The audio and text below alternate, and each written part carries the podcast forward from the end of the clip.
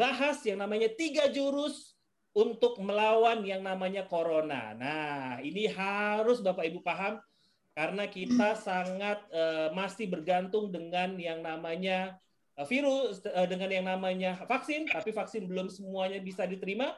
Nah, kita akan bahas hari ini tiga jurus untuk menangkal yang namanya virus corona. Yes. Nah, Bapak Ibu semuanya, sebelumnya uh, sebelum kita mulai acara hari ini, Hari ini akan saya akan ditemani oleh uh, salah seorang teman saya yang sangat sangat sangat cantik. Beliau sangat uh, berpengalaman. Beliau sangat wanita yang sangat smart. Beliau adalah uh, salah seorang yang lulusan dari salah satu far, fakultas farmakologi Universitas Indonesia dan beliau saat ini menempati posisi yang sangat strategis yaitu produk eksekutif di UniHealth ya. Nah, sebelum saya serahkan ke teman saya yang smart ini, saya minta tepuk tangannya dulu dong buat Bapak Ibu semuanya. Woi. Oke. Terima kasih ya Pak Remon ya. Udah dipuji-puji loh sama Pak Remon dari tadi. Uh, saya mau sapa kepada bapak-bapak dan ibu-ibu keluarga UniHealth pada siang ini. Semangat pagi. Semangat pagi ya Bapak-bapak Ibu-ibu. Tentunya pastinya udah uh, siap nih sudah tidak sabar untuk mendengarkan sharing ini kita sebutnya sharing atau kuliah umum. Pasti Bapak-bapak dan Ibu-ibu juga udah lihat judulnya yang sangat menarik. Judulnya sangat dekat dengan kita. Judulnya adalah uh, hal yang sangat uh, mempengaruhi hari-hari kita satu tahun kebelakangan ini adalah tiga jurus tangkal corona iman, imun, dan aman. Nah, untuk corona sendiri, mungkin saya akan share sedikit bagi bapak-bapak dan ibu-ibu yang mungkin pagi ini belum sempat nih update info tentang corona gimana sih di Indonesia. Jadi bapak-bapak ibu-ibu barusan saya update nih Pak, Bu. Hmm, untuk total kasus di Indonesia sendiri corona ini sudah mencapai 1,20 1,22 juta uh, uh, pasien positif dengan kasus barunya setiap harinya itu kurang lebih sekitar 6.700-an. Nah, di mana ini tuh masih pertanda nih buat kita semua agar tetap nih mematuhi protokol kesehatan agar tetap bisa berjuang melawan virus corona ini. Tapi kita nggak usah ragu, tidak usah khawatir karena kita punya nih jurusnya sesuai dengan judul tiga jurus tangkal corona. Nah, untuk corona sendiri di Indonesia eh, sama-sama kita tahu bahwa pertama kali itu kalau Bapak-bapak dan Ibu-ibu masih ingat nih ya, munculnya di 3 Maret 2020. Betul ya Bapak-bapak Ibu-ibu?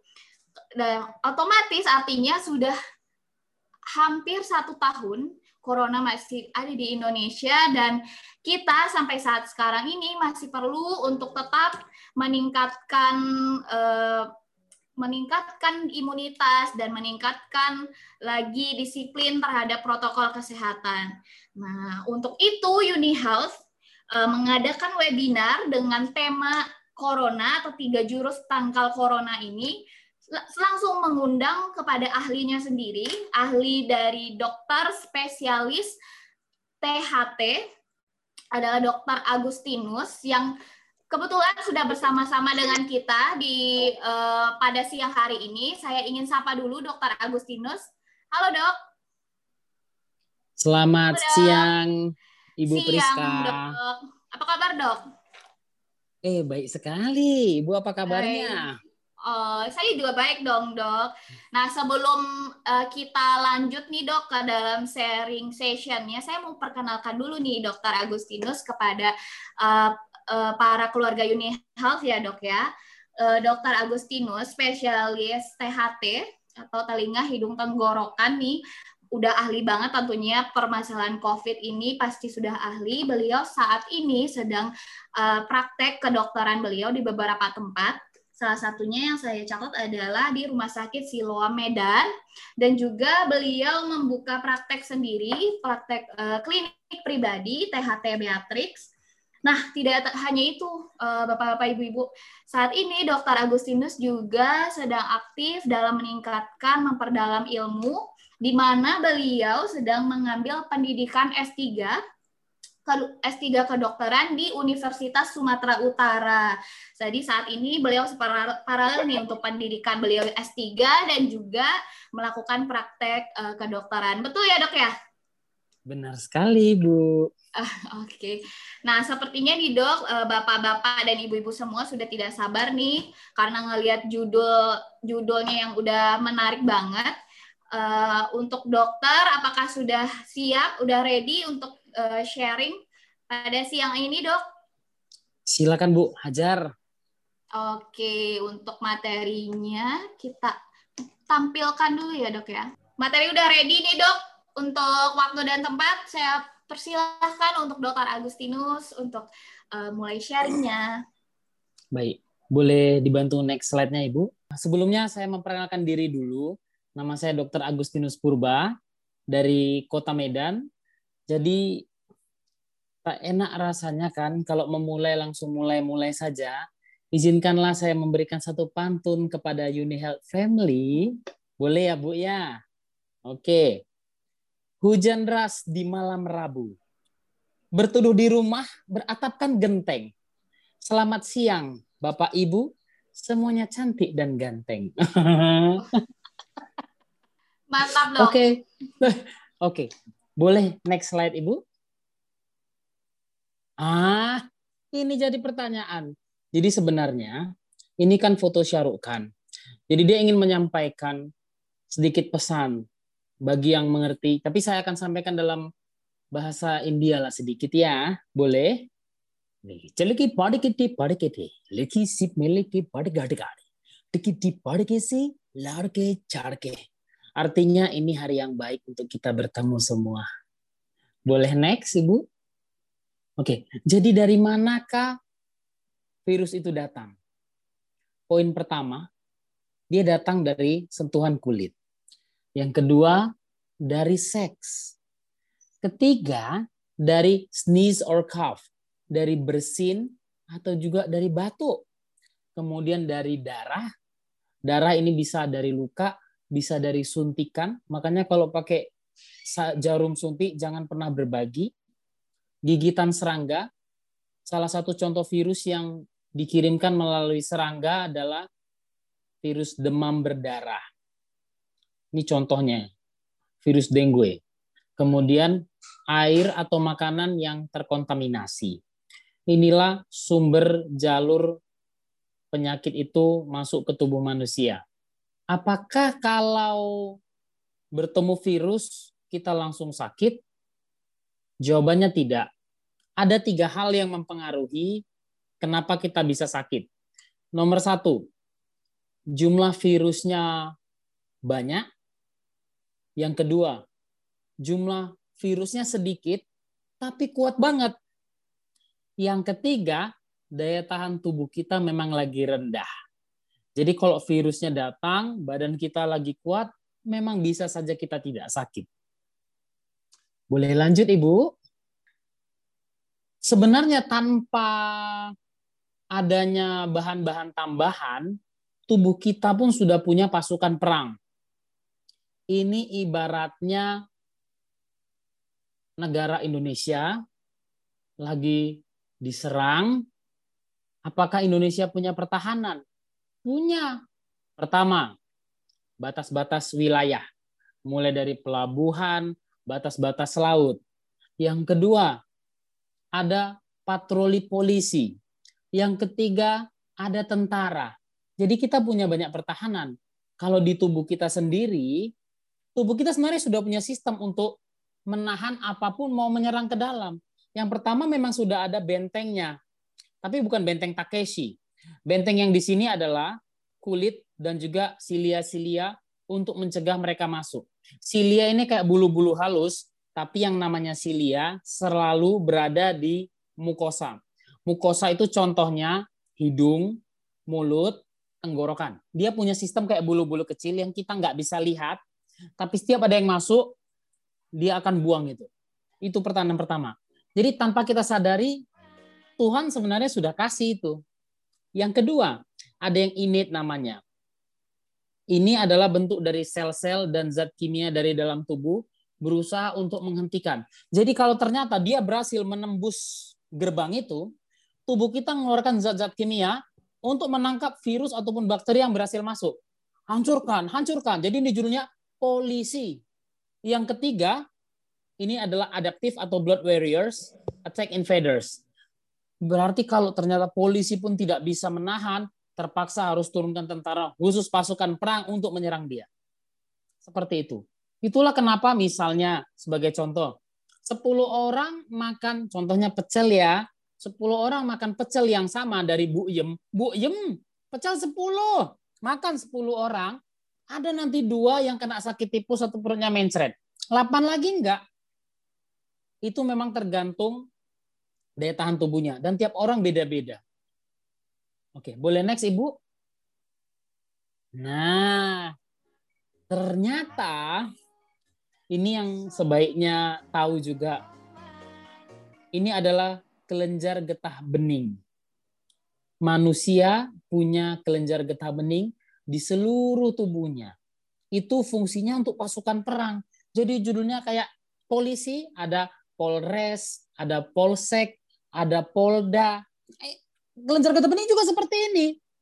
Jadi dilihat yang kalau yang besar-besar itu adenoid, ada di belakang hidung di mulut kita ada amandel. Itu besar itu kantor polisi kayak polsek. Kayak polsek Sunggal kalau yang di Medan tahu. Nah, kemudian di leher ada banyak kelenjar getah bening atau namanya neck lymph node di sekitar sini. Ini kantor-kantor polisi kecil nih. Jadi kalau ada kejahatan, laporkan ke kantor polisi terdekat. Jadi ada misalnya misalnya kupingnya nih luka, dikorek, bengkak, sakit, itu tubuh akan langsung melaporkan ke kantor polisi terdekat. Makanya kadang-kadang kuping lagi sakit, di belakang kuping mau ada benjol-benjol kecil. Itu artinya pertahanan tubuh lagi kerja. Kemudian ada lihat yang garis-garis warna hijau di seluruh tubuh, itulah jalur-jalurnya. Tapi kantor polisi yang besar di leher, di ketiak, dan di daerah selangkangan. Itu yang besar-besar. Dan jangan lupa pertahanan tubuh kita yang powernya memegang dominasi ternyata di sistem pencernaan. Jadi dengan kata lain, pencernaan yang sehat akan sangat besar pengaruhnya terhadap kesehatan kita seluruh tubuh. Jadi waspadalah kalau sudah tidak buang air besar tiga hari. Nah, jadi kalau kelenjar getah beningnya lagi kerja, polseknya lagi kerja, dia benjol sedikit, ada bengkak sedikit. Eh kok ada kayak benjol bulat-bulat ya, bulat-bulat ya. Tapi kalau udah infeksinya sudah reda, benjol-benjolnya hilang. Itu artinya daya tahan tubuh berhasil memenangkan perang melawan virus, melawan bakteri, melawan jamur. Nah, ini kita cerita sedikit tentang alergi dan sinusitis. Sinusitis itu apa ya? Banyak orang bilang, oh aku sinus atau eh aku kayaknya alergi ini. Ini sama-sama hidung sumbat, sama-sama pilek, sama-sama nggak enak hidungnya. Tapi yang namanya sinusitis, nah ini lihat gambar cewek cantik ini, hmm, si Mona Lisa ini, si Madonna ini. Sinus itu artinya rongga. Rongganya ada di pipi, dekat mata, sama di dahi. Yang sehat itu rongganya isinya udara. Kalau yang infeksi isinya cairan atau nanah. Di mana yang infeksi, di situ keluhannya. Jadi kalau sinus yang di sini lagi bermasalah, aduh mataku sakit, dokter hidungku sakit, atau aduh ini kok pusing kali di sini ya, atau yang di atas ini, aduh ini kok rasanya berat ya, isinya bisa cairan infeksi, bisa juga polip di dalamnya. Kalau yang alergi, ini hipersensitif dia. Jadi ciri khasnya itu bersihnya beruntun sampai empat kali gini. Hacung, hacung, hacung, hacung. Nggak berhenti dia. Nonstop, hacung gitu. Setelah bersin, hidungnya sumbat, ingusnya warna bening. Habis itu gatelnya minta ampun sampai pengen dikucuk-kucuk ini. Dan alergi hanya muncul kalau jumpa pemicunya. Kalau nggak jumpa pemicunya nggak muncul dia. Jadi misalnya Dok, aku tiap kena dingin, kayak gini hidungku. Dok, saya tiap kena debu, kayak gini hidung saya. Ini reaksi hipersensitif ibaratnya bayangkan ke rumah ada kecoa, kalau normal, oh kecoa pukul pakai sendal selesai. Tapi kalau hipersensitif, kecoa masuk, eh, kecoa ini kecoa, ambil sapu, pukul pukul pukul, ambil meja, lempar mejanya, ambil kursi, lempar kursinya, akhirnya apa? Jendela pecah. Hanya karena apa? Kecoa. Itu contohnya hipersensitif. Jadi hal yang sepele membuat masalah jadi besar. Ini yang berkaitan dengan COVID, hilang penciuman yang paling sering di awal 2020 sampai di akhir 2020 adalah hilang penciuman. Hilang penciuman penyebabnya ada banyak. Nomor satu, karena sinusitis. Kedua, karena alergi. Ketiga, karena polip. Empat, karena tumor. Empat, karena tumor. Lima, karena kanker. Yang keenam, masalah di otak. Ketujuh, kasus COVID ini. Jadi lihat yang di daerah hidung ada yang serabut-serabut kuning, itulah saraf penciuman. Jadi aroma masuk dari lubang hidung bawah naik ke atas. Di sini saraf penciuman. Makanya pada pasien COVID yang sakit itu sininya. Kayak pilek biasa. Di sini adalah olfaktori, bulbus olfaktori untuk penciuman. Jadi dikirim baunya ke sini, dari sini kirim ke otak. Sampai kota baru kita mencium. Jadi si virus COVID merusak di sini. Dan menurut laporan dokter THT di jurnal Korea tahun 2020 bulan 7, ternyata 30% pasien yang COVID yang penciumannya terganggu, 30% tidak kembali selamanya. Masalahnya kita perlu penciuman untuk apa? Karena gitu kita bisa nyium, kita bisa rasa. Ini berkoneksi. Jadi kalau kita nggak bisa nyium, kita nggak bisa rasa. Bayangkan makanan enak bentuknya, tapi dimakan nggak ada rasa.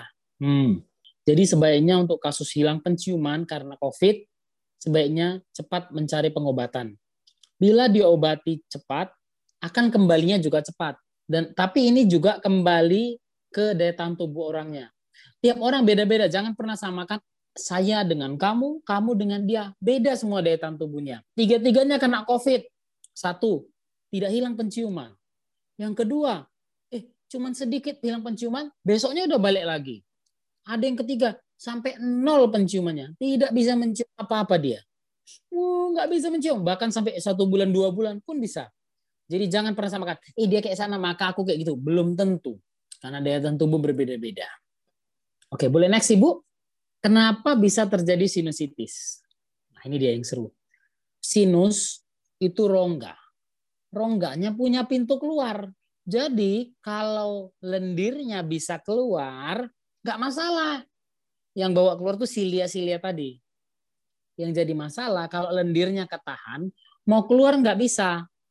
Entah dia kena terlalu kental atau pintunya terlalu meradang, mau keluar nggak muat. Jadi nggak muat, akhirnya dia merajalela di dalam, itulah jadi masalah. Itulah jadi sinusitis. Kalau dia berhasil keluar, itulah orang pilek dibiarin sembuh sendiri. Artinya lendirnya berhasil keluar melalui pintunya. Dalam hal ini, pada pasien yang pilek, sinusitis, alergi, termasuk COVID, selain ada obat-obatan lainnya, tentu berdasarkan hasil pemeriksaan, saya juga akan menyarankan cuci hidung. Cuci hidung ini fungsinya untuk apa? Satu, lendir yang kental-kental kebuang semua keluar. Kedua, sistem pertahanan hidung, silia, itu semua akan diperbaiki. Jadi dengan kata lain, meningkatkan pertahanan hidung. Kalau hidung pertahanannya bagus, akan lebih susah diserang. Seperti itu. Untuk cara cuci hidungnya, nanti boleh dilihat di YouTube channel Dr. THT Official. Itu bisa dikerjakan sendiri, caranya mudah, alatnya juga bisa dibeli sendiri tanpa perlu resep dokter. Boleh next Ibu? Asma itu bagaimana ya? Hmm.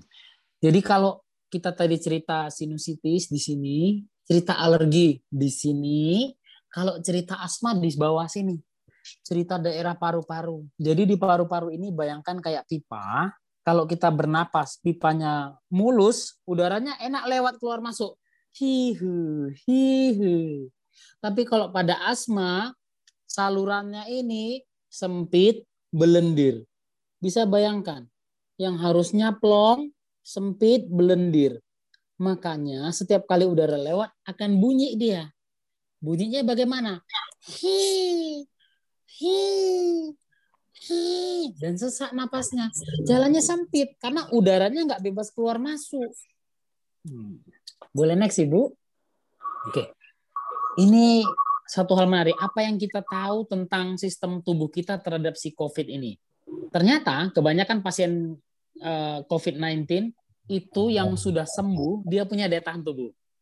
Kalau menurut laporan jurnal yang terakhir, sekali dia kena COVID, tubuhnya akan punya pertahanan 6 sampai 8 bulan ke depan. Tapi itu kan data yang sampai saat ini. Artinya data tahun depan bisa berubah lagi. Apakah kalau seseorang sudah kena COVID, dia bisa kena lagi? Jawabannya yes. Karena virusnya punya varian-varian baru. Dia sudah bermutasi. Jadi contohnya yang menyerang virus COVID tipe 1, dia punya pertahanan terhadap itu. Tapi kalau ternyata bulan depan dia kena virus COVID tipe 2, dia bisa sakit lagi. Karena dia hanya punya pertahanan terhadap tipe itu. Kapan mulai terbentuk pertahanan tubuhnya itu? 1 sampai 3 minggu. Ini terhitung dari pasien mulai sembuh. Jadi bukan pada waktu sakit. Sesudah sembuh baru terbentuk pertahanan. Masalahnya tidak semua pasien sembuh dan sudah banyak pasien yang meninggal. Kemudian pada pasien yang kondisi kena COVID-nya berat itu dia harus mempunyai antibodi yang lebih tinggi. Itu harus. Nggak bisa kita berpatokan hanya obat saja. Dan pada pasien yang mempunyai keluhan ringan atau sedang, eh, neutralizing antibodinya ini biasanya juga rendah. Dan tiap pasien itu ada yang tidak ada keluhan, ada keluhan ringan.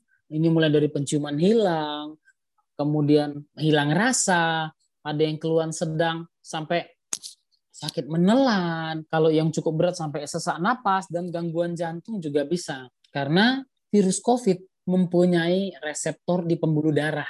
Jadi dia membuat darah kita lebih kental sehingga risiko untuk membuat gangguan jantung juga. Yang berperan penting di tubuh kita itu namanya sel T. Itu bagian dari sistem pertahanan. Boleh next Ibu. Ini sudah saya bahas tadi. Kalau dia sudah pernah kena, dia punya pertahanan, berarti nggak kena lagi. Uh, tidak ada yang tahu karena kenyataannya sudah banyak yang kena dua kali. Itu yang kita tahu. Belum lagi terhitung yang kena COVID tapi nggak mau berobat atau kena COVID isolasi mandiri saja tanpa dia periksa swab. Jadi yang feeling-feeling dia saja itu kan nggak terdata. Pada pasien yang baru sembuh dari infeksi, dia akan pasti membuat sistem pertahanan supaya nggak kena lagi. Perubahan virusnya bisa membuat badannya nggak tanda. Karena virus itu memang berubah karena dia berusaha untuk hidup. Makanya dia berusaha mutasi. Proteksi dari serangan lagi tetap ada kemungkinannya di bawah setahun. Jadi jangan pikir aku udah kena, oh aman aku 8 bulan. No, no, no, no, no, no tetap ada kemungkinan Anda kena lagi dalam waktu singkat juga. Boleh next Ibu? Normalnya begitu si virusnya itu masuk, tubuh kita akan keluarkan pasukan perang. Ada CD8, ada sel ada neutralizing antibody, ada CD4 supaya dia hantam, usir, hei virus, keluar kamu. Itu kita nggak sakit. Tetapi sudah ada laporan ini dari jurnal tahun 2020 ternyata si virus membuat sistem imun kita jadi bodoh. Jadi nggak ngenali kalau dia virus. Dan ini kasusnya sering dijumpai pada pasien usia lanjut. Jadi harusnya, jadi judulnya gini, kayak kayak apa ya? Dia menyuap pasukan perang kita. Virus masuk, tentara harusnya tembaki kan? Dia membuat tentaranya bingung. Tentara, janganlah tembaki aku. Nah, ini ku kasih yang enak-enak sama kau tapi jangan bunuh aku. Akhirnya masuk dia. Virus pun jago menyuap juga ya, biar dia bisa masuk. Dan yang kena kayak gini tuh pada orang tua. Itulah kenapa usia tua lebih kalau kena COVID seringannya berat. Karena yang dirusaknya tentaranya, dikotori pikiran tentaranya. Next Ibu. Pasukan perang kita itu banyak banget. Jadi jangan pikir bahwa kita tidak punya senjata kita punya dan banyak banget. Izin saya bacakan mulai dari sel T, natural killer cell, itu fransi sel. Gitu dia masuk ke saluran napas, akan ditangkap. Udah ada yang siap-siap menangkap nih di saluran napas. ada sel dendrit, sel limfosit T. Baru keluarlah mediator peradangan. Kalau kita menang, sembuh dia. Kalau pertahanan tubuh kita kalah, terjadilah cytokine storm. Itulah yang membuat pneumonia sama gangguan jantung. Respon ketiga, limfosit B, plasma, ini adalah imunoglobulin kita yang mau perang. Jadi kita punya tiga lapis pertahanan dan kalau sampai pneumonia artinya tiga lapis itu kalah semua. Tiga lapis itu kalah semua. Itulah kenapa pintu masuknya itu dua, hidung, mulut. Makanya yang di swab, swab nasofaring dari hidung, swab orofaring. Jadi kalau cuci hidung itu membersihkan virusnya yang di hidung. Jadi misalnya virusnya ada 10, dicuci, virusnya pasti lebih gampang keluar karena pertahanan di hidung pun meningkat. Jadi bayangkan kalau kita lagi perang lawan 10, kemudian kita cuci, keluarlah sedikit-sedikit, jadi 8 dia. Kalau satu lawan 10 dibandingkan satu lawan 8, akan lebih mungkin kita menang kalau dia lebih sedikit. Seperti itu. Boleh next Ibu? Ini nih seru nih. Ada Deddy Kobuser nih. Maksudnya ada kalanya kita capek. Ada kalanya kita kurang tidur. Ada kalanya daya, daya tahan tubuh kita turun karena makanan. Contohnya, orang yang makannya cuman nasi, telur, tanpa buah atau orang yang makannya cuma gorengan saja tanpa sayur. Orang dia makan ikan, tapi ikannya digoreng sampai genang-genang. Itu zat gizinya rusak, zat intinya rusak. Jadi inilah di sini peran bahan tambahan dari luar. Jadi kalau kita lagi perang, udah tahu mau kalah, jangan kita bertahan, kita minta tolong. Aku udah mau kalah nih, tolonglah. Kan tujuannya supaya kita sehat. Jadi udah ciri-ciri tahu nih, badanku nggak enak nih. Ya, lagi perang nih, kok makin nggak enak ya? Oh ini badanku lagi minta tolong ini. Apakah dari luar ada bantuan yang bisa meningkatkan imunitas tubuh? Salah satunya, contohnya adalah kurkumin. Kebetulan penelitian saya S2 spesialis itu tentang kurkumin. Dan sekarang pun saya lagi ambil S3 pun mengenai kurkumin juga. Ternyata kurkumin ini mampu mengajari tentara kita dan juga mampu menambah jumlah tentara kita dari luar. Jadi kalau tentara kita di badan ada 100, kita pakai kurkumin logikanya tentara kita jadi 110 120 dan tentara yang sudah ada dilatih supaya lebih pinter lagi. Seperti itu. Kurkumin ini bahasa Latin atau bahasa Inggris kalau bahasa Indonesianya kunyit dan temulawak. Langsung gampang kan? Saya yakin hampir semua pernah minimal lihat ataupun makan ataupun minum dan satu lagi yang sudah memang sering dibahas, jadi lebih sering didengar, Echinacea. Tujuannya mereka ini menambah pasukan dari luar dan melatih pasukan yang sudah ada supaya lebih pinter menghadapi musuh. Ini bahasa kimianya. Dia menghambat peradangan-peradangan dan meningkatkan imunitas dari dalam karena dia membuat antioksidan lebih tinggi. Itulah kunci pertahanan kita. Boleh next Ibu? Untuk Echinacea, ini berasal dari tanaman yang berwarna ungu dan hasil penelitian ini tahun 2020 bulan Desember baru dua bulan lalu terbitnya dari jurnal mereka melaporkan bahwa pemberian Echinacea pada kasus infeksi saluran nafas dan juga pada kasus common cold atau pilek-pilek terutama pada tanda-tanda awal mulai ada keluhan, mampu mempersingkat infeksinya dan berat ringannya. Tapi pada awal-awal ya.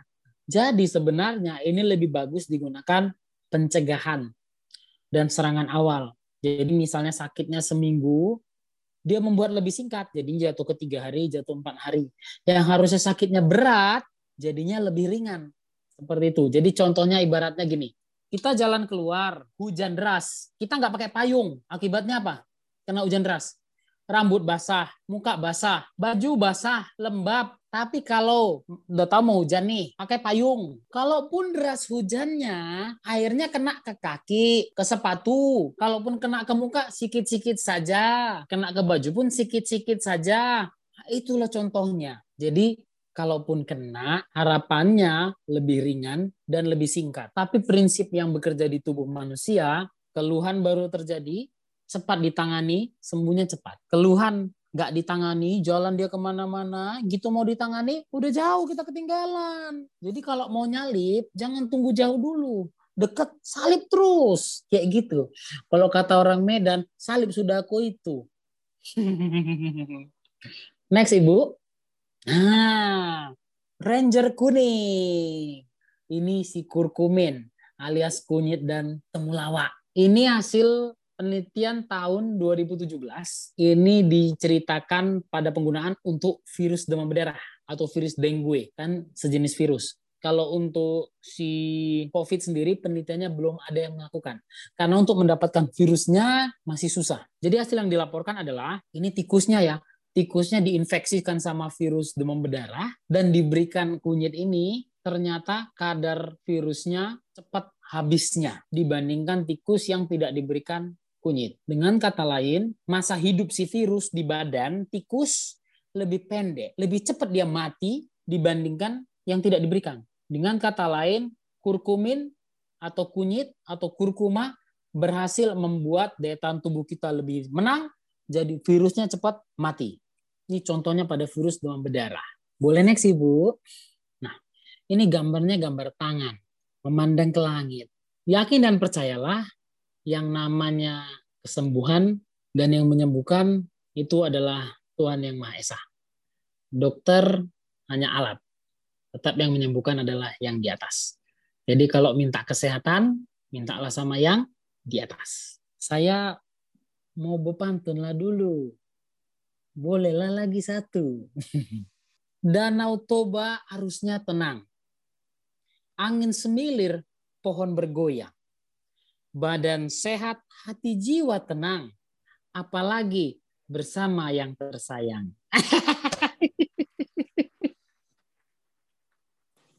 Gak tahan awak ketawa sendiri. Baik Bu, terima kasih.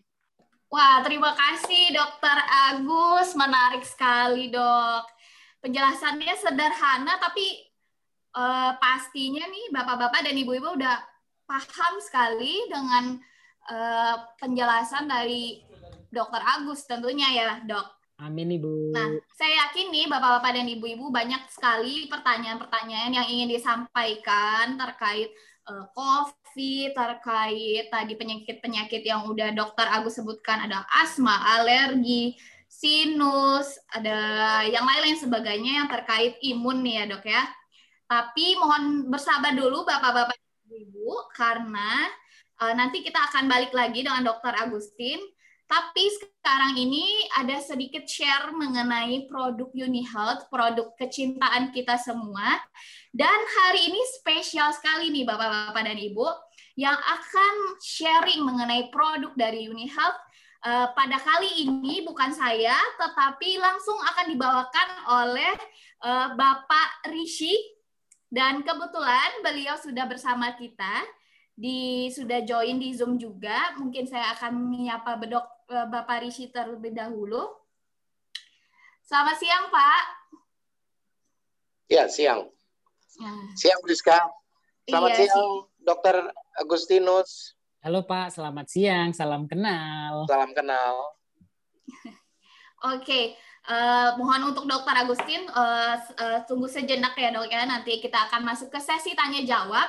Sekarang saya akan uh, berikan silahkan kepada Bapak Rishi untuk akan sharing mengenai produk dari Unihat, produk imunomodulator kita saya akan share screen terlebih dahulu.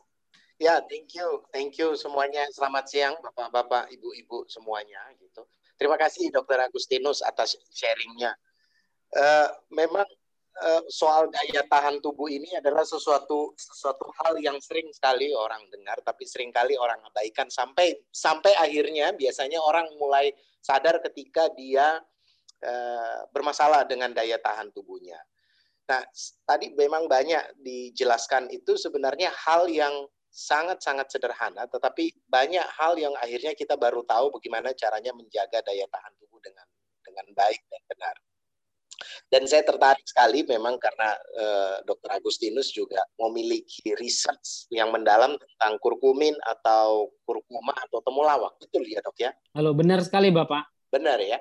Kalau boleh tahu alasannya pilih riset tentang kurkumin itu kenapa ya dok ya? Oh sebenarnya awalnya ini adalah anak-anak dari penelitian dari guru saya awalnya hanya di melanjutkan penelitian guru saya. Eh, kebetulan saya kan dokter THT, jadi penelitiannya penggunaan kurkuma untuk memperbaiki saraf pendengaran yang rusak. Pada S2, saraf pendengaran akibat obat-obatan gentamisin itu yang memang sudah terbukti merusak saraf pendengaran. Jadi oh, bisa denging dan juga yang bisa obat alergi itu ya. Gentamisin oh, itu kalau nggak salah alergi. Antibiotik, Pak. Antibiotik ya. Ya, antibiotik. Kemudian karena hasilnya cukup bagus dan dari S2 dan juga dari spesialis saya menghasilkan dua jurnal Scopus dari kurkumin. Ah, oke, okay, hmm. oke. Okay, Makanya saya lanjutkan ke tingkat klinis untuk memeriksa pendengarannya, makanya lanjutin sekolah S3, Pak, tetap dengan kurkumin juga. Dan memang memang memang kurkumin ini adalah salah satu bahan alam yang memang lagi banyak di riset karena dia memiliki efek-efek yang baik untuk kesehatan ya, Dok ya. Benar sekali, Pak. Iya, iya, iya. Kebetulan juga kemarin juga kita ada bahas tentang kurkumin bersama Prof. Edi dari UGM mengenai efek uh, kurkumin terhadap kemoterapi, kemovalensi dan sebagainya gitu. Dan itu risetnya juga sangat luar biasa. Kenapa saya angkat ini? Karena memang Soho sendiri, UniHealth sendiri itu memang produk-produknya memang fokusnya banyak di bahan-bahan alam atau nutrasetika yang sudah diuji secara klinis maupun juga diuji secara toksisitasnya. Salah satunya itu adalah selain echinacea ada juga ada kurkumin ya. Produk-produk kurkumin mungkin Bapak Ibu juga sudah tahu itu banyak sekali di UniHealth. Kalau misalnya kurkumin dengan dosis yang tinggi itu namanya kita menggunakan kurkompleks atau dengan menggunakan jenis kurkuminoid 97% kadarnya dan itu diekstrak dari Kanada langsung karena di Indonesia belum belum sanggup untuk mengekstrak kurkumin hingga 97% dan itu mendapatkan klaim resmi dari Badan POM sebagai cancer support artinya dia memiliki efek yang sangat bagus sekali untuk cancer. Kurkumin sendiri memang bagus untuk cancer tetapi yang banyak orang yang tidak tahu adalah berapa banyak dosis kurkuminnya, jumlahnya berapa banyak dan berapa lama jadi nggak serta merta kan orang minum kurkumin kemudian langsung sembuh, betul ya dok ya? Tapi kan Benar, harus Pak. Di, harus diukur dulu kurkuminnya itu kadarnya berapa persen, terus dosisnya berapa banyak dan berapa lama baru bisa diukur. Itulah yang disebut dengan farmakologi gitu ya. Di UniHealth itu sendiri kita punya produk salah satunya yang sangat populer adalah Kur Kompleks 95 yang memang klaimnya adalah sebagai meningkatkan kualitas dan harapan hidup pasien kanker dan itu klaim resmi dari dari Badan POM dan tidak banyak produk yang memiliki klaim yang begitu kuat mengenai kanker karena memang BCM 95 ini kuat sekali kadar uh. Tetapi selain itu juga Bapak Ibu juga pasti tahu bahwasanya uh, selain kur kompleks, produk UniHealth yang bagus untuk digunakan sebagai imunomodulator itu adalah salah satunya yang paling powerful itu adalah echinasnip sebenarnya yang mungkin Bapak Ibu nggak tahu. Kenapa? Boleh di next uh? Salah satunya adalah echinacea. Echinacea ini dia kombinasinya tiga yang paling dominan, paling powerful. Jadi kalau Bapak Ibu tahu bahwasanya produk imunomodulator di UniHealth itu kan banyak banget. Ada yang Echina C, dosis tunggal Echina C, dan zinc itu adanya di nama produknya Immunoforce. Tetapi kombinasi Echina C dan uh, lawa itu adanya di Echina Snip. Jadi kombinasi Echina bunga ecina dan temulawak ditambah dengan uh, kulit jeruk. Ini kulit jeruk juga sempat populer karena salah satu di UI itu pernah meneliti tentang manfaat kulit jeruk sebagai anti salah sebagai daya tahan tubuh ya. Dan itu ada di produk Echina Sniff karena Echina Sniff ini paling lengkap sebenarnya. Jadi produk imunomodulator yang paling lengkap karena dia ada echinanya, ada kurkuminnya dan ada kulit jeruknya itu ada di echinacea. Jadi salah satu fungsinya adalah merangsang sistem kebal kekebalan tubuh untuk melawan pemicu alergi dan flu. Ya, kalau yang ringan-ringan itu bisa menggunakan echina saja dan zinc atau yang terdapat pada produk Immunoforce. Ya, itu yang uh, perlu Bapak Ibu ketahui. Apa fungsinya? Ya pasti daya tahan tubuh. Daya tahan tubuh berhubungan utama sekali spesifik daya tahan tubuh yang paling spesifik. Kalau orang turun sekali daya tahan tubuhnya, itu pasti berhubungan dengan asma, sinusitis, dan pilek dan hidung tersumbat seperti tadi yang dikatakan oleh Dr. Agustinus tadi ya. Sehingga saya kasih uh, rekomendasikan Bapak Ibu kalau ingin mencari produk imunomodulator yang lebih powerful, memang yang ada bunga echinacea dan temulawak sekaligus serta kulit jeruk, itu kalau yang lebih tinggi dosisnya itu ada di produk echinacea. Ya, kurang lebih seperti itu. Next, ya apa itu produk Echinacea? Ya salah satunya dia produk imunomodulator ya. Jadi dia imunoterapi untuk menurunkan resiko kambuhnya sinusitis. Dia juga bersifat bukan antibiotik tapi memiliki sifat seperti mirip seperti antibiotik dan antivirus secara natural ya. Tapi bagusnya tidak menyebabkan ketergantungan karena bahannya adalah nutracetika. Ketiga, echinacea ini juga seperti yang tadi dikatakan oleh Dr. Agustinus, salah satu kalau orang kena uh, sinus itu kan karena banyak sekali lendir di dalam di dalam hidung dan di sekitar pipinya. Salah satu solusinya adalah dengan cara di cuci hidung. Dicuci hidung, ya. Dan cuci hidung ini memang salah satu cara yang paling efektif dan juga sering kadang-kadang saya lakukan sama anak saya melakukan cuci hidung. Ya, tinggal beli beli alatnya di apotik yang penting dilakukan secara benar itu juga bagus. Tapi selain itu dari dalam Bapak Ibu juga bisa menggunakan echina sniff ya karena echina sniff ini juga memiliki manfaat yaitu tadi kurkumin ditambah echina itu udah powerful banget ditambah dengan kulit jeruk dia membantu mengeluarkan lendir hidung secara alami dan juga menangkal pemicu alergi dan flu dan mengurangi bengkak, inflamasi dan hidung serta melegakan jalan pernapasan. Kurang lebih seperti itu. Next, Nah, apa sih bedanya Echina Sniff dengan produk lain? Yang pertama, salah satu keunggulan utama yang menjadi ciri khas Soho itu adalah penggunaan bahan-bahan nutracetika. Nah, nutracetika itu nutrisi farmaseutika. Jadi bukan saja natural, bukan saja herbal, karena tidak semua herbal itu juga bagus, tergantung dari teknik pengolahannya, berapa kadar yang digunakannya, dan sebagainya. Tapi yang jauh lebih penting adalah kandungannya itu 100% alami dan memiliki khasiat karena dosisnya sudah dihitung dan toksisitasnya sudah diukur sehingga aman ya. Jadi yang dimaksud aman itu bukan sekedar dia natural tapi kadar toksisitasnya juga sudah diukur tidak berbahaya apabila Anda konsumsi dalam jangka panjang. Dan kadar dari kurkumin serta echinanya itu juga sudah diukur sehingga memiliki khasiat, memiliki efikasi. Karena tidak berarti kalau Anda minum kurkumin, kemudian Anda tumbuh, Anda rebus, kemudian Anda ambil petik bunga echinacea terus Anda makan, terus serta-merta daya tahan tubuhnya kuat karena kurkumin itu dan bunga ecina itu serta bahan alam itu baru memiliki dampak yang nyata kalau takarannya pas, kalau takarannya sudah diukur.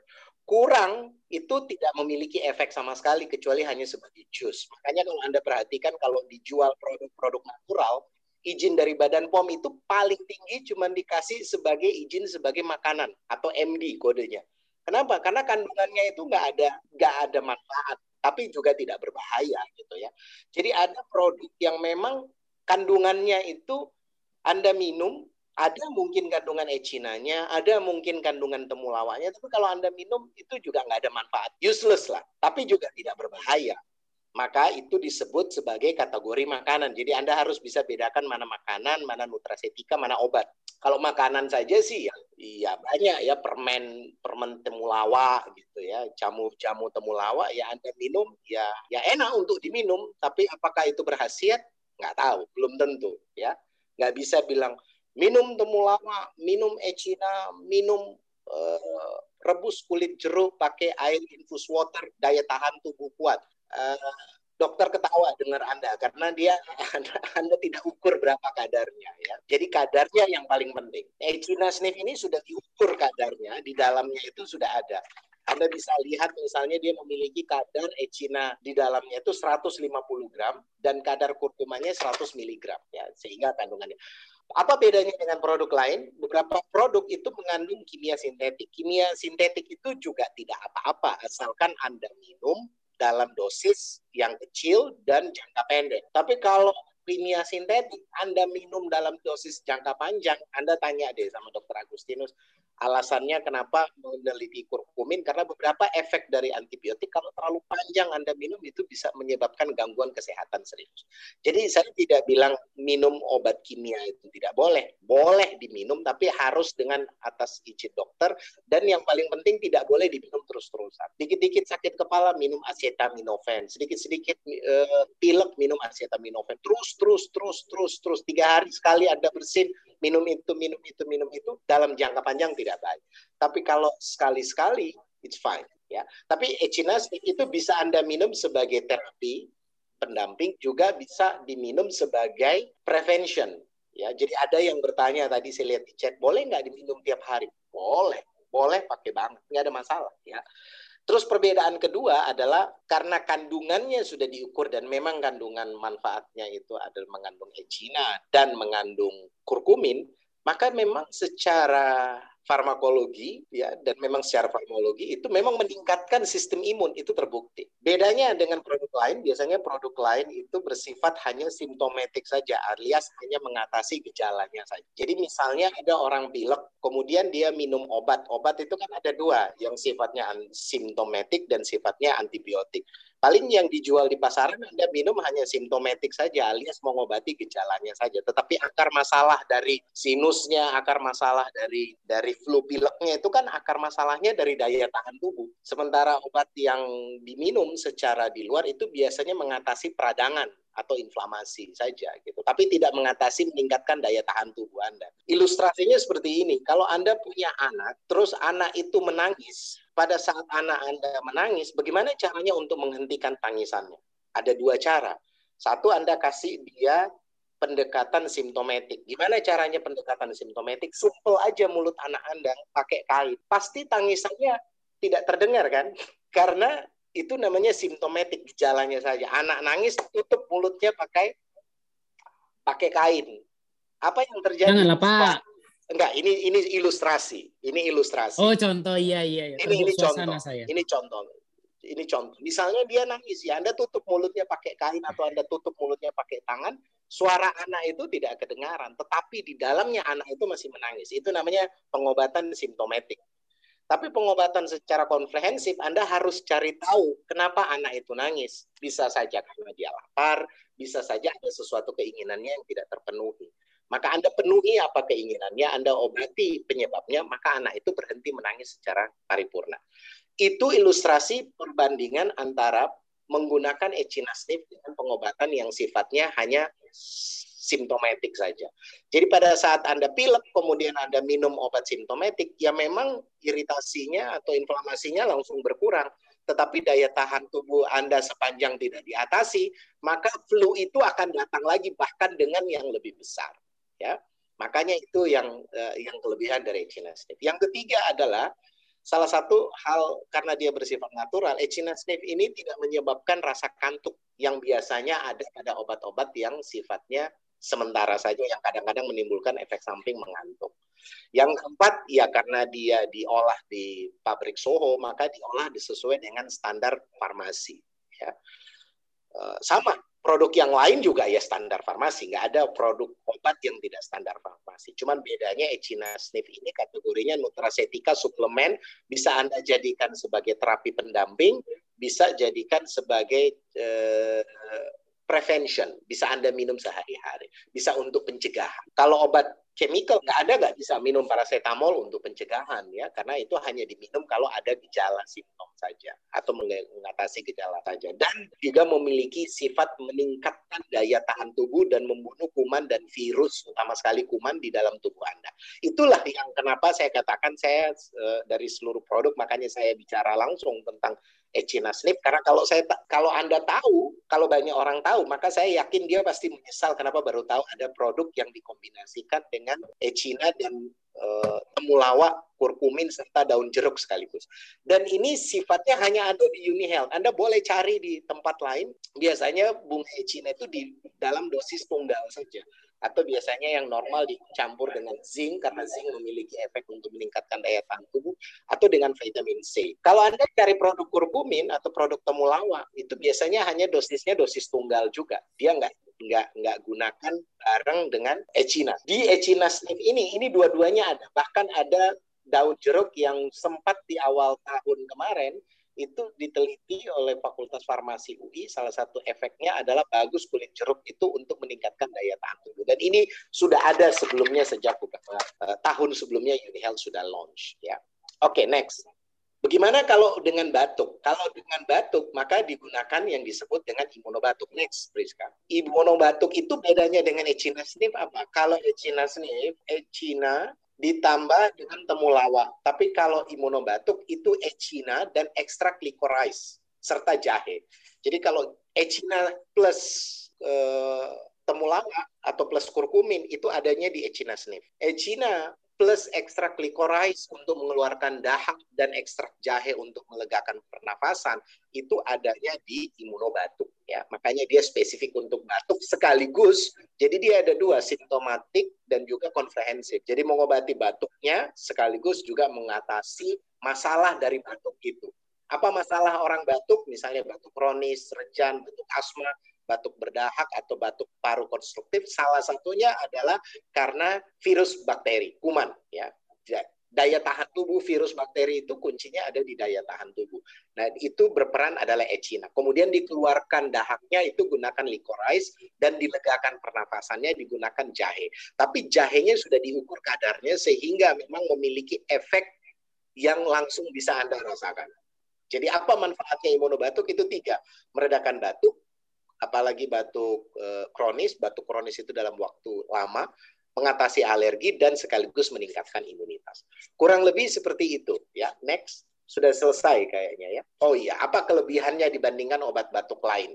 Kelebihannya imunobatuk dibandingkan obat batuk lain yang pertama imunobatuk itu natural. Kedua adalah dia bersifat tiga, meredakan batuk, anti alergi dan meningkatkan imun.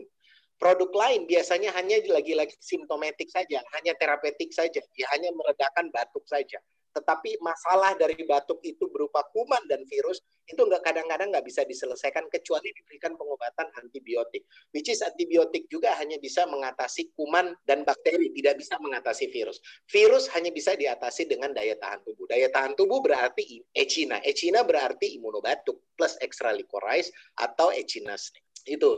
Terus monobatuk ini tidak menyebabkan kantuk ya. Seringkali produk batuk yang lain itu memiliki efek sedatif alias membuat orang menjadi mengantuk. Imunobatuk juga memiliki fungsi meredakan batuk plus meningkatkan daya tahan tubuh plus sekaligus pencegahan. Jadi kalau ada nanya lagi, Pak boleh nggak kalau saya nggak batuk tapi sekitar saya batuk-batuk, boleh nggak saya minum obat batuk? Ya nggak apa-apa, bagus dong imunobatuk itu bagus. Karena echina bu, karena echina dan jahe dengan dosis yang sudah diukur secara farmakologi sehingga dia memang memiliki fungsi untuk meredakan batuk dan mengeluarkan dahak. Nah kalau saya nggak batuk, tidak berdahak, saya minum imunobatuk, apa yang terjadi? Yang terjadi adalah daya tahan tubuh Anda menjadi lebih tinggi. Kurang lebih seperti itu. Jadi dia ada dua fungsi, terapi dan yang kedua prevention. Itu kelebihannya ya.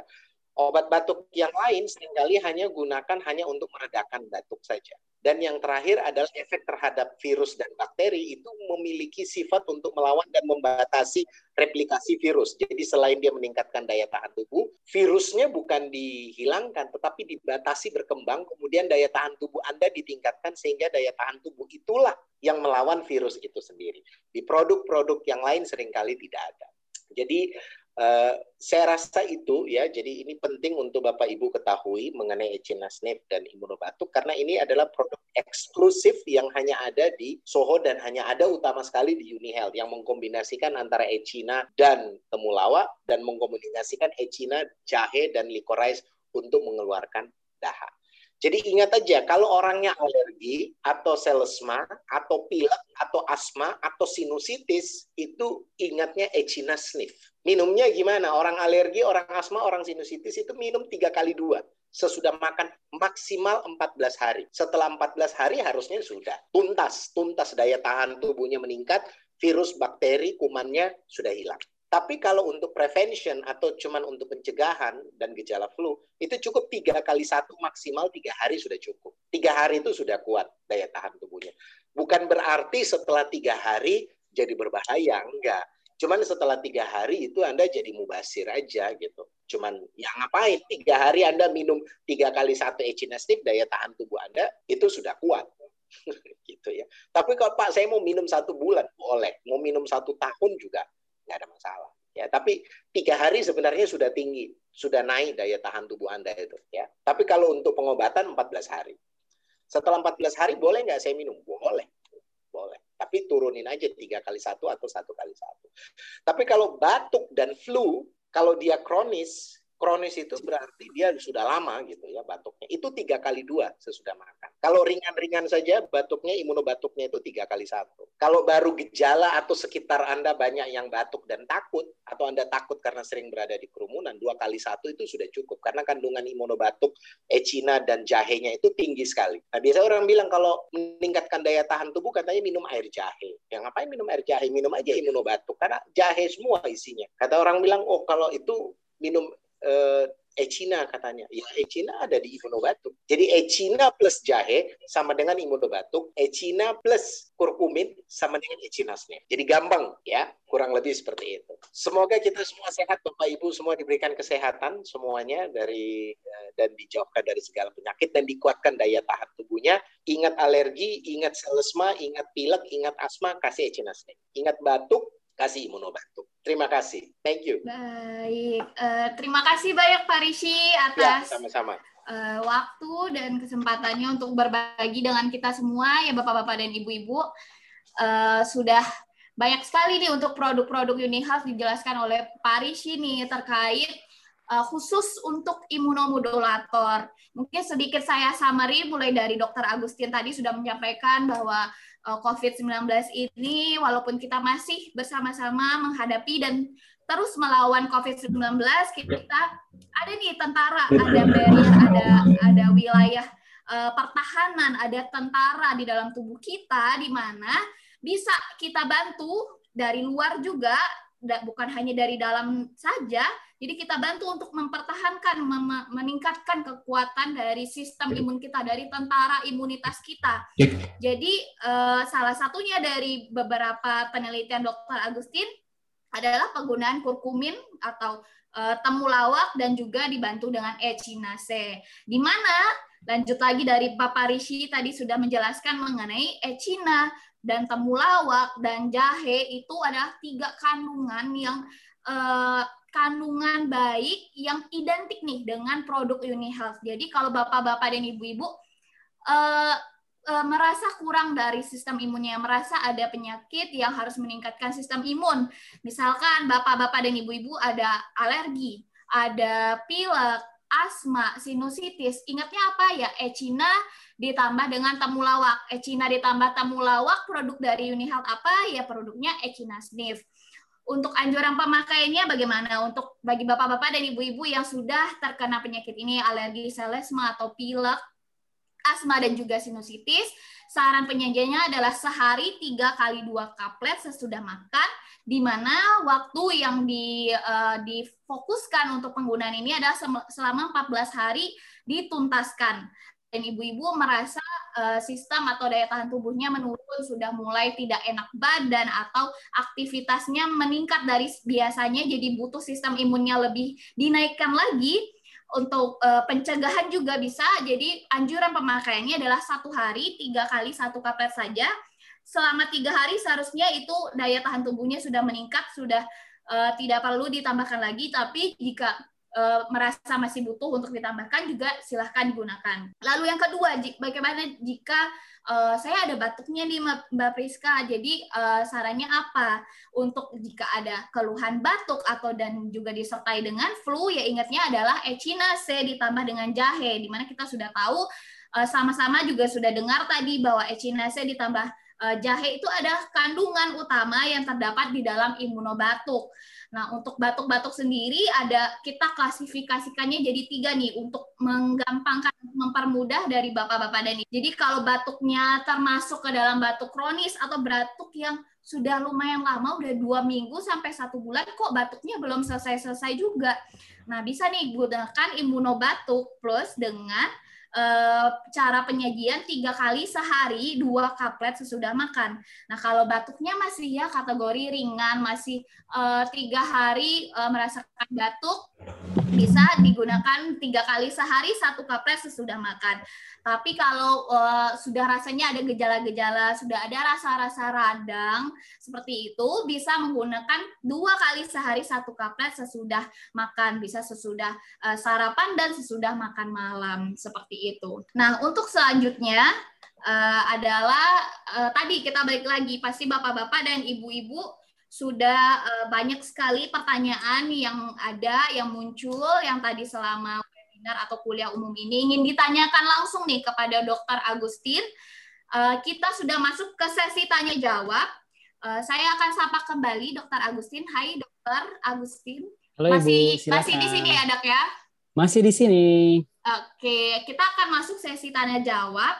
Uh, ada saya yang akan uh, membacakan pertanyaan bersama Pak Raymond. Halo Pak. Ya, Mbak Priska, suara ya. saya jelas ya? Oh, jelas, jelas, jelas okay. sekali Pak.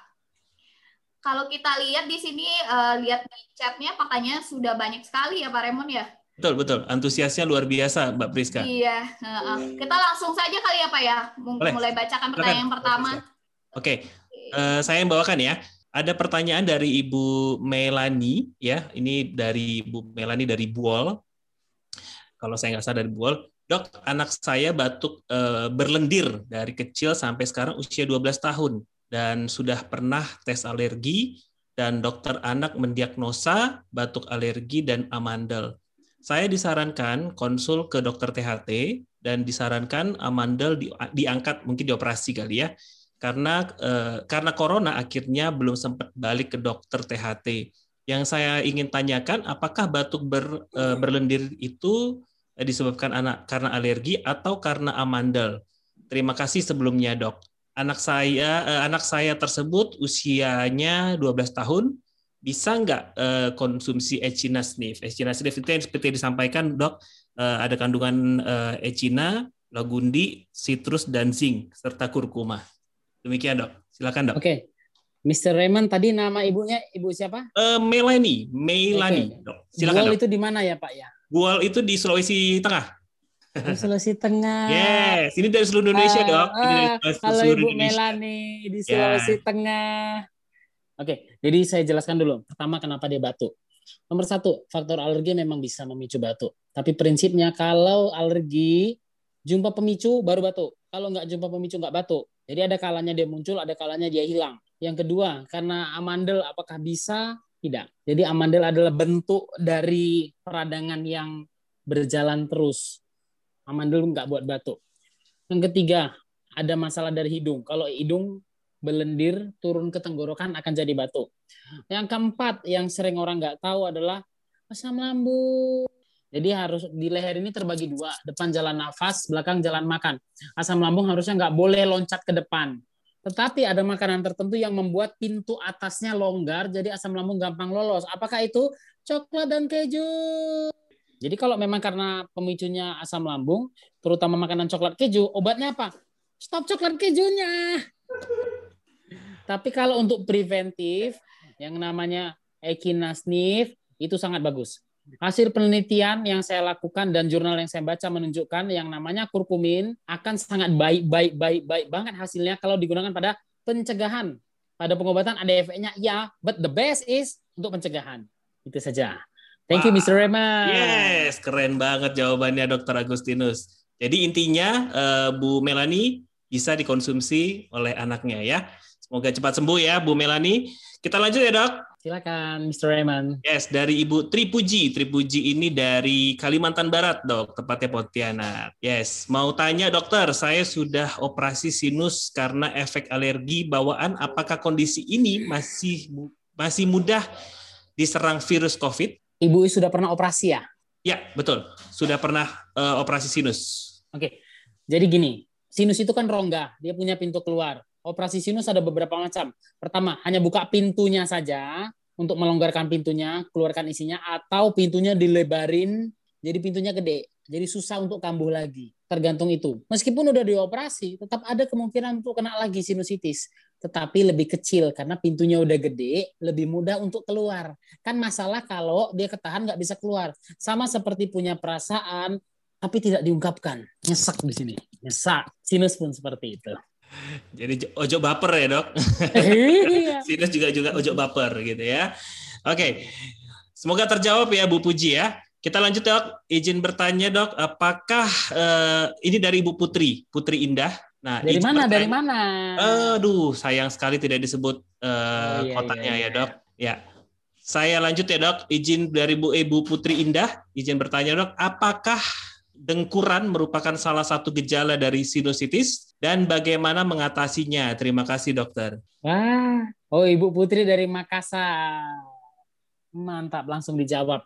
Saya jelaskan dulu kenapa ngorok. Seruling tidak akan bunyi kalau nggak dipencet. Seruling hanya bunyi kalau dipencet. Saluran nafas hanya berbunyi kalau ada sumbatan. Kalau nggak ada sumbatan nggak akan bunyi. Sumbatan bisa di mana? Bisa di hidung, hidung belakang, di mulut, tenggorokan belakang, tenggorokan bawah apa pun yang membuat jalannya yang plong menjadi sempit pasti bunyi. Bunyinya kayak mana? Jadi di hidung yang bisa bikin ngorok, polip, sinusitis, tumor, lendir, eh, adenoid membesar, ada kanker nasofaring, di mulut amandel besar, dinding tenggorokannya tebal, kelenjar lemaknya besar, eh, lidahnya besar. Di leher paling bawah, lidahnya paling bawah itu membengkak. Kedua, kelenjar lemaknya tebal, yang ketiga, masalah asam lambung sehingga membuat semuanya meradang jadi membengkak. Intinya, jalan yang lapang jadi sempit pasti bunyi. Jadi nomor satu, cari dulu bunyinya dari mana, baru bisa diatasi sesuai dengan penyebabnya. Kayak misalnya, cewek ngambek. Cewek ngambek, apakah cukup dengan bakso? Belum tentu. Ngambek satu bisa karena kurang perhatian. Dua, WA lama dibalas. Ketiga, memang pengen parfum baru. Tarik dulu, tanya, maunya apa sih?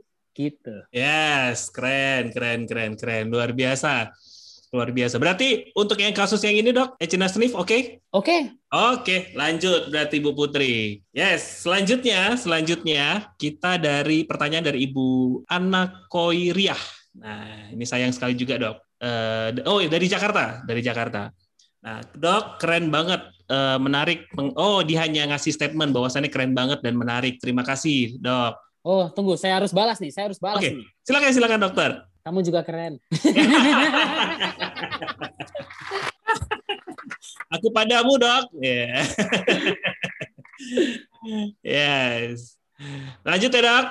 Silakan. Nah, ini juga Ibu Tuti Rodia, ini dari eh, Medan, Oras, Bu Tuti. Dok, mau tanya, saya adalah eh, saya ada member berusia 58 tahun, saat ini terpapar COVID dan sudah dirawat di Rumah Sakit Siloam Medan. Wah, ini rumahnya dokter nih. Masalah yang terjadi sampai saat ini kalau cek PCR belum juga negatif. Akan tetapi kondisinya baik dan sehat. Sudah terpapar selama dua bulan lebih, eh, lebih kurang. Eh, mungkin dokter bisa kasih statementnya. Oke. Silakan, dok. Ada ada beberapa kemungkinan ya. Nomor satu, eh, ini sudah sering dibahas kok sama banyak dokter dan para ahli mengenai kenapa masih positif terus. Positif itu kalau dalam jangka lama meskipun nggak ada keluhan, satu memang virusnya masih ada, atau virusnya udah mati tapi mayat-mayat virusnya masih ada, maka masih terdeteksi. Karena dia nggak bisa tahu ini aktif atau enggak. Rumah virus itu ada dua. Satu di hidung paling belakang, kedua di rongga mulut paling belakang, dinding tenggorokan paling belakang. Jadi, saya kan akan menyarankan satu cuci hidung karena virusnya stuck di sana. Kalau dia mayat numpuk di sana, pas nengok oh masih ada mayat, oh masih ada mayat. Nggak dicuci-cuci, nggak dibersih-bersihkan mayatnya ya akan ada terus. Sampah di tong sampah, kalau nggak diangkatin, siapa yang mau ngangkatin? Nggak ada. Virusnya yang udah mati di hidung sama mulut, kalau nggak dibersih-bersihkan, ya akan ada terus. Cara membersihkannya bagaimana? Satu, cuci hidung yang di mulut, yang di hidung, yang di mulut, kumur-kumur pakai betadin. Jadi itu saran saya. Dan bukan hanya dilihat dari PCR-nya ya. Satu dari PCR. Kedua keadaan umum. Yang ketiga periksa darah, salah satunya di dimer. Yang keempat CT scan toraks. Bisa saja nggak ada keluhan tapi paru-parunya ada udah putih. Jadi nggak nggak cuma dari PCR saja patokannya. Horas bah, ibu orang mana? Orang Tembung ibu ah atau dari Kampung Lalang? Oke, oke, oke, oke. Wah, ini semangat banget kalau ketemu Dokter Agustinus nih. Lanjut, Dok. Silakan bang, ajar Yes. bang. Yes, jauh dekat berapa bang? 3000 lah bang. Oke, lanjut dok. Ini pertanyaan dari yang sorry ya kalau yang udah bertanya tadi uh, saya skip dulu karena masih banyak pertanyaan di bawahnya ya. Oke, ini dari Bu Sri uh, Sri Nur Hidayah ya. Izin bertanya dok, untuk pasien dengan kondisi gampang bersin uh, dalam kurung alergi debu, apakah sudah eh, apakah berarti gampang terkontaminasi COVID? Eh, selanjutnya, kalau sudah dapat vaksin COVID lengkap, bagaimanapun pembandingan imunnya dengan membandingkan dengan yang belum mendapatkan vaksin. Jadi maksudnya yang sudah eh, divaksin sama belum divaksin membandingnya gimana? Terima kasih dok. Oke, pertanyaan pertama dulu. Ya. Kalau sering bersin, apakah lebih mudah kena COVID? Jawabannya yes. Karena pada saat alergi, pada saat bersin, apalagi yang hacu, hacu, hacu, hacu, hacu, itu lendir semua numpuk, sistem pertahanan yang nggak bisa bergerak karena ketutup lendir lengket, bisa bayangkan pertahanan lagi rusak, semua bisa masuk. Sama saja kayak rumah, pintu dibuka, maling lewat bisa masuk, penjahat lewat bisa masuk. Makanya yang nama zaman sekarang alergi, pilek, sinusitis harus cepat sembuh. Karena enggak sama aja kayak membiarkan rumah pintunya terbuka. Siapa lewat masuk. Yang kedua, pertanyaannya tadi mengenai boleh ulang, Pak? Boleh ulang, Pak? Oke, boleh, boleh, Dok. Hmm, Kalau aku sudah dapat mohon maaf gini. Ya. Karena saya lihat jasnya Bapak keren, jadi aku fokus deh. Sampai lupa aku pertanyaannya apa tadi. Siap, Dok. Jadi deg-degan nih dok. Oke. Okay. Jangan deg-degan. Sama-sama laki-laki. Jadi bersin-bersin ntar lagi nih dok. Oke, okay, lanjut dok. Kalau sudah dapat vaksin COVID, uh, vaksin lengkap maksudnya, uh, pembanding imunnya itu dibanding belum divaksin dengan sudah divaksin gimana dok? Jadi sekarang sudah ada pemeriksaan untuk kadar antibodinya. Ya. Bisa diperiksa satu bulan dari vaksin lengkap. Jadi kita tahu berapa kadarnya itu bisa diperiksa. Termasuk pada pasien yang habis COVID, dia kan punya imunitas. Itu pun bisa diperiksa juga kadarnya. Kalau laboratorium yang besar, rata-rata sudah punya pemeriksaan itu. Bilang, memeriksa kadar imunitas terhadap COVID. Tinggal bilang gitu aja. Biayanya sekitar 200 ribu sampai 250 ribu.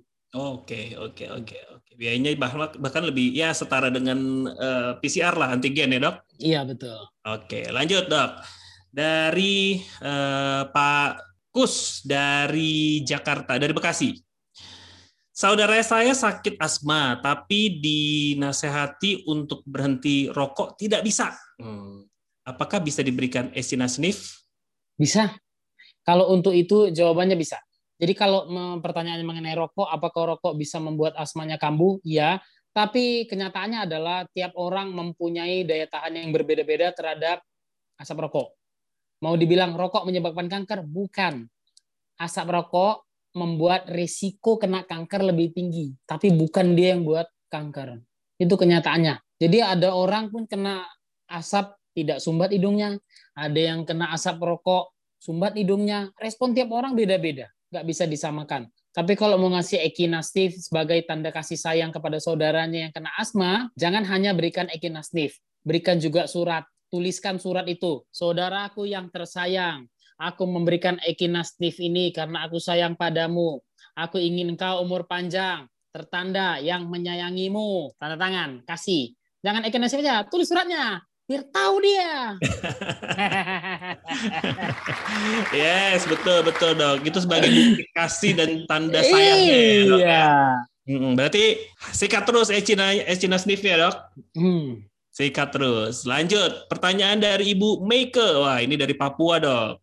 Oke, Bu Meike bertanya, saya di bulan September eh, 2020 kemarin terpapar COVID-19. Saya hanya isolasi mandiri di rumah bersama suami dan eh, saya rutin minum produk UniHealth termasuk termaksud Echinasnif dan kur kompleks. Kur kompleks itu uh, bahan bakunya uh, kurkuma, dok. Nah, puji Tuhan sampai saat ini, sampai sekarang, uh, sampai sekarang, apakah uh, apakah tentara di dalam tubuh saya meningkat? Itu pertanyaan itu, dari Ibu baik. dari Papua, dok. Silakan. Baik. Uh, terima kasih kakak sudah kasih pertanyaan untuk kita. Salam dari kita ke anak Medan kakak untuk Papua. Sebenarnya saya juga mau menyanyi kakak, tapi tak boleh lah ini kita cerita saja di sini. Untuk itu pertanyaannya bisa diperiksa kadar imunitasnya. seperti yang saya bilang tadi, itu bisa diperiksa. Tapi kalau dari berbagai penelitian, berbagai jurnal yang saya baca, kalau namanya untuk pencegahan, terutama pemberian kurkumin, apalagi kurkumin yang zatnya eh, ekstraknya tinggi kadarnya, itu sangat bagus. Semua responnya baik. Karena kebetulan saya melanjutkan penelitian saya. Dan saya udah lihat pada tikus-tikusnya, terutama untuk pencegahan yang kasih kurkumin, hasilnya bagus. Tikus saja bagus, apalagi manusia kan. Yes, betul sekali dokter. Hmm. Kita lanjut, Mau Dok. mere ibu, mau, mere ibu ya. Apa joget dulu nih kita dok? Eh jangan, jangan. Oh, jangan, jangan ya. Oke, yes. Jadi sekali lagi, eh, Echina Sniff eh, sangat bagus ya untuk selalu di, dikonsumsi dan juga jangan lupa kita punya Echina ya E- eh, dan Immunoforce. Lanjut, ini pertanyaan dari sorry ya Bapak Ibu karena waktunya ini saya kalau sudah pertanyaan hampir sama saya akan skip dulu ya. Oke, ini pertanyaan selanjutnya dari Ibu Agustina Putri dari Pontianak juga dok dari Kalimantan Barat. Dokter, apakah yang sudah terpapar COVID dan sembuh, eh, apakah perlu untuk disuntik vaksin lagi? Bagus pertanyaannya. Dari mana? Dari mana ini Pak? Dari Ibu Agustina, eh, namanya hampir sama sama dokter, cuman ini, Tanya, ini di, perempuan. di mana? Di mana ini? Di mana ini? Pontianak, Pontianak. Oh di Pontianak. Yes. Halo kembaranku di Pontianak. Jadi jawabannya perlu karena berdasarkan laporan jurnal imunitas setelah kena COVID dia terbentuk 6 sampai 8 bulan itu ada pertahanannya. Ya, dan yang sudah kena COVID pun sudah keluar anjuran baru minimal tiga bulan dari kena COVID sudah boleh vaksin. Jadi saya pun akan menganjurkan untuk vaksin. yes. Jadi vaksin ya dok, tetap ya. Yes. Oke. Lanjut dok, pertanyaan dari ke Ibu eh, atau Mbak Kalia ya. Dok, kenapa Bumil atau eh, dan Busui tidak boleh minum Echinasnif? Saya eh, Bumil dan alergi debu. Eh, perubahan cuaca pasti pasti selalu bersin-bersin. Itu pertanyaan dari Ibu Ka Kaila. Baik, terima kasih Ibu Kaila. Ini Ibu ini kebetulan adalah orang yang mempopulerkan mobil, jadi memang dia orang-orang Bukan, bagian Dok. teknik Bukan, sipil. Bukan, bukan ya? Bukan, bukan, bukan. Oh, sorry, sorry, sorry, salah, salah. Eh, karena gini, pada saat hamil, tubuh ibu membuat sistem pertahanan baru terhadap janin itu. Karena judulnya ada benda asing di dalam perutnya. Jadi ibu hamil sakit tapi sehat.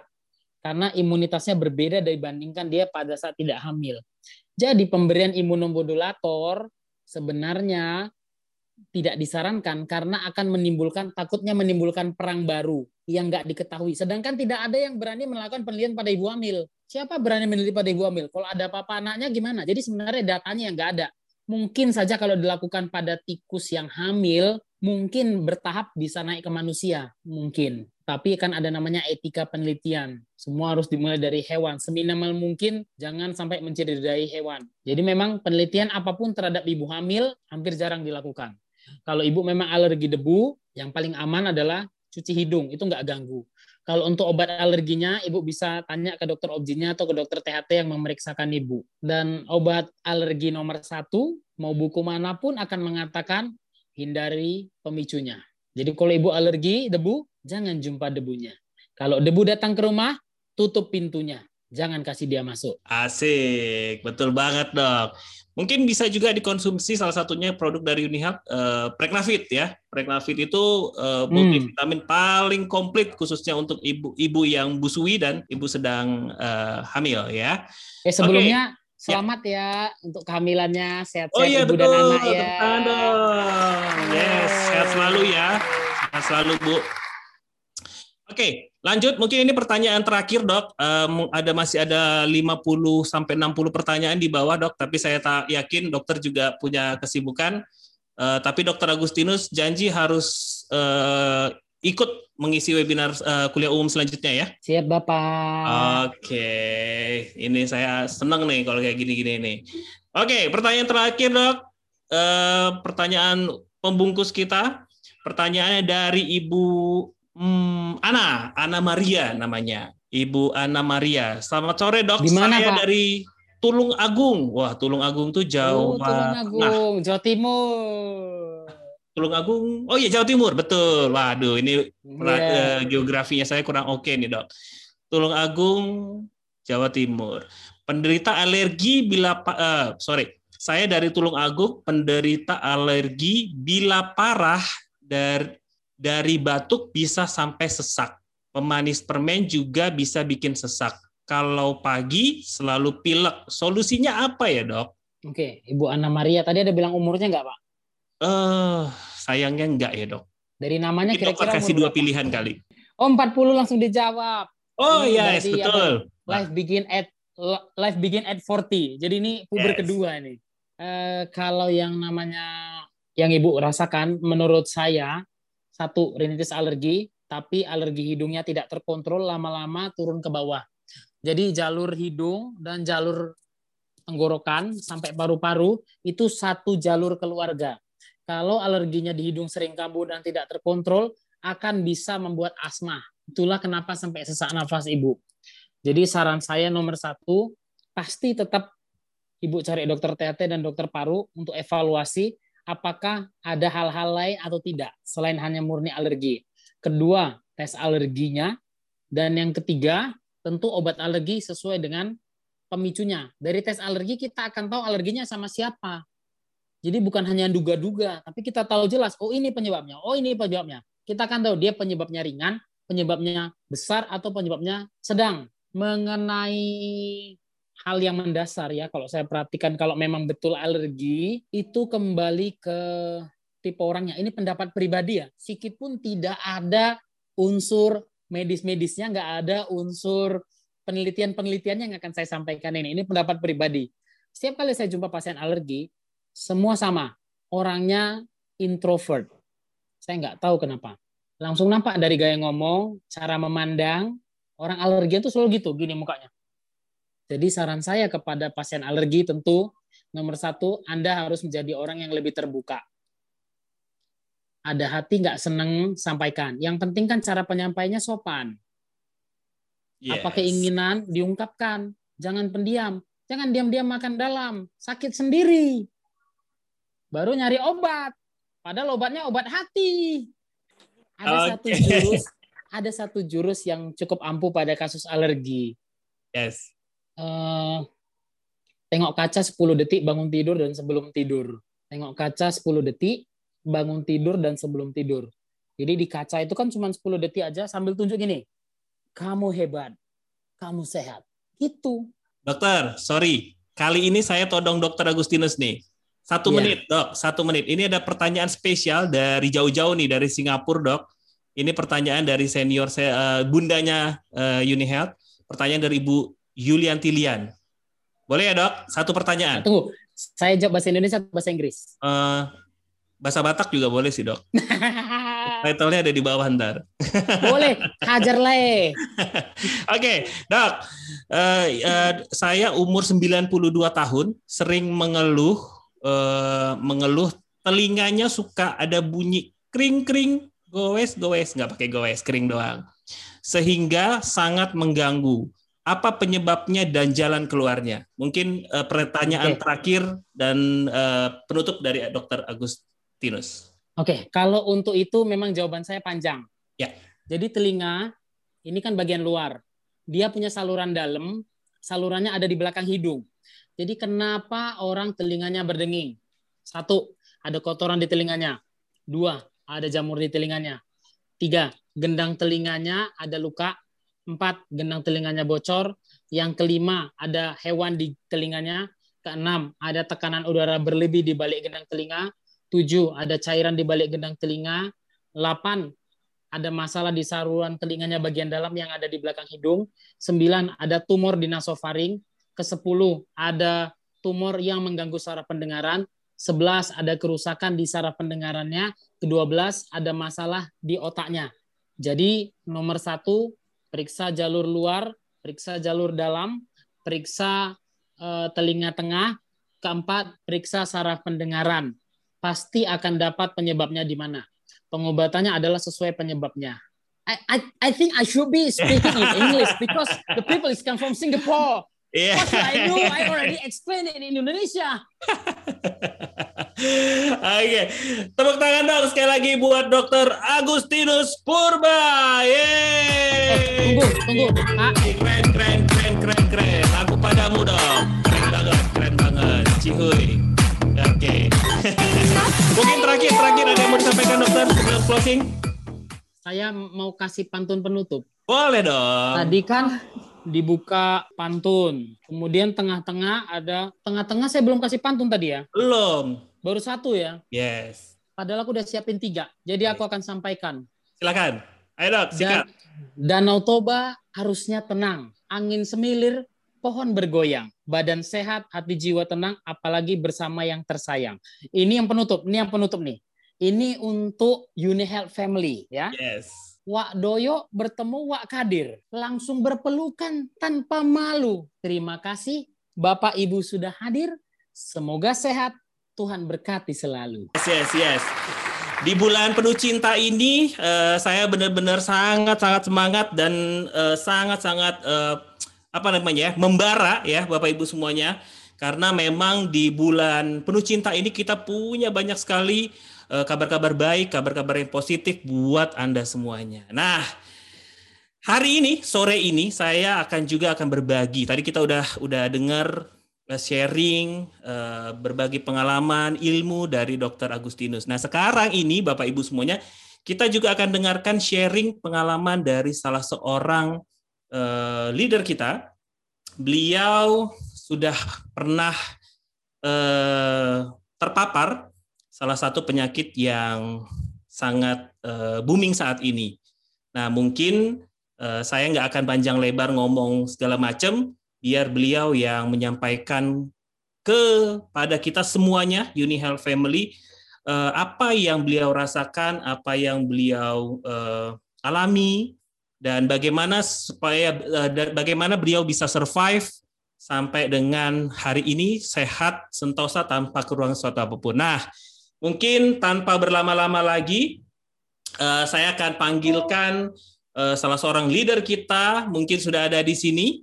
Eh, dan untuk itu saya minta tepuk tangan yang luar biasa dong buat salah satu top leader Uni Health. Selamat sore Pak Har, apakah sudah ada di sini? Iya, oke. Wah, oke. Pak Har lagi eh, nyetir, tapi nggak menghalangi Pak Har. Enggak, di tol lagi merayap, Pak. Oke, tapi boleh ya, safe ya, safe drive ya. Boleh, boleh. Oke, Pak Har. Siap. Ya, mungkin Pak Har bisa sedikit share kepada kita semuanya. Eh, tapi eh, Pak Har sendirian atau ada temennya? Sendiri, Pak. Oke, kalau berkenan mungkin Pak Har untuk tidak mengganggu eh, suaranya, boleh nggak Pak? Mohon maaf, maskernya dibuka se- sedikit, boleh? Oke. Yes, oke Pak Har. Ya, Pak Har, di sini mungkin Pak Har boleh sedikit eh, kasih kepada kita sharing eh, pengalaman Pak Har eh, di bulan eh, Januari, Desember atau Januari ya Pak, Pak Har waktu itu ya? Desember, Pak. Desember. Nah, di sini ada 133 Pak eh, Uni Health Family yang mau dengar testimoni dari Pak Har. Pak Har, berkenan ya Pak Har? Siap. Iya, silakan, silakan Pak Har. Siap, Pak.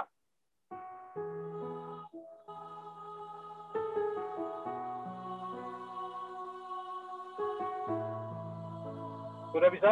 Pak Raymond suaranya keras. Ya, mungkin Pak Har bisa sedikit cerita kepada kita pengalaman Pak Har di bulan Desember eh, kemarin, Pak Har. Baik. Eh, semangat pagi Uni Health Family semua seluruh Indonesia. Pertama-tama saya eh, mau cerita dan terima kasih juga kepada Uni Health Family khususnya kepada tim manajemen ya. Eh, saya kena positif itu hasil labnya itu saya 8 Desember eh, Bapak Ibu. Eh, 8 Desember itu saya kena tapi di hari pertama sampai hari keempat itu saya nggak ada gejala. Terus di hari kelima itu saya mulai terasa pertama kena di badan. Badan merentak semua, terus lari ke tenggorokan. Terus semua gejala itu saya alamin, kecuali saya tidak sesak sama perasa. Itu saya nggak alamin.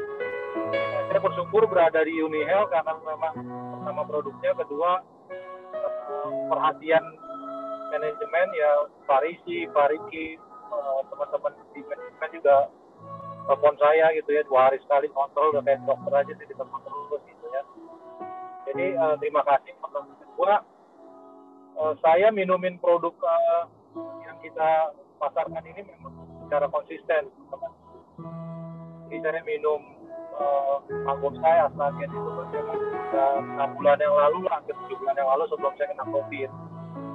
Nah, waktu saya kena COVID itu saya minum Magosa itu setiap kali maksudnya sehari bisa lima sampai enam kali lah. Saya minum itu sampai lima sloki sekali saya minum.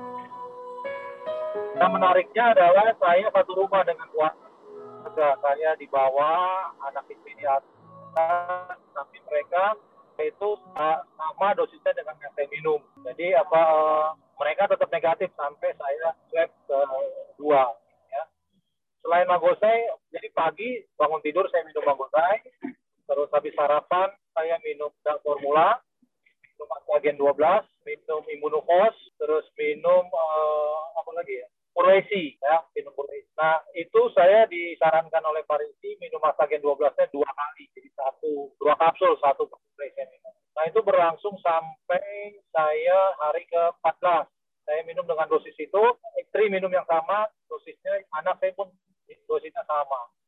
Gitu ya. Nah, di hari ke-16 itu tanggal 24 Desember nih persiapan mau malam atau saya masih kelas itu pagi-pagi itu. Saat itu negatif.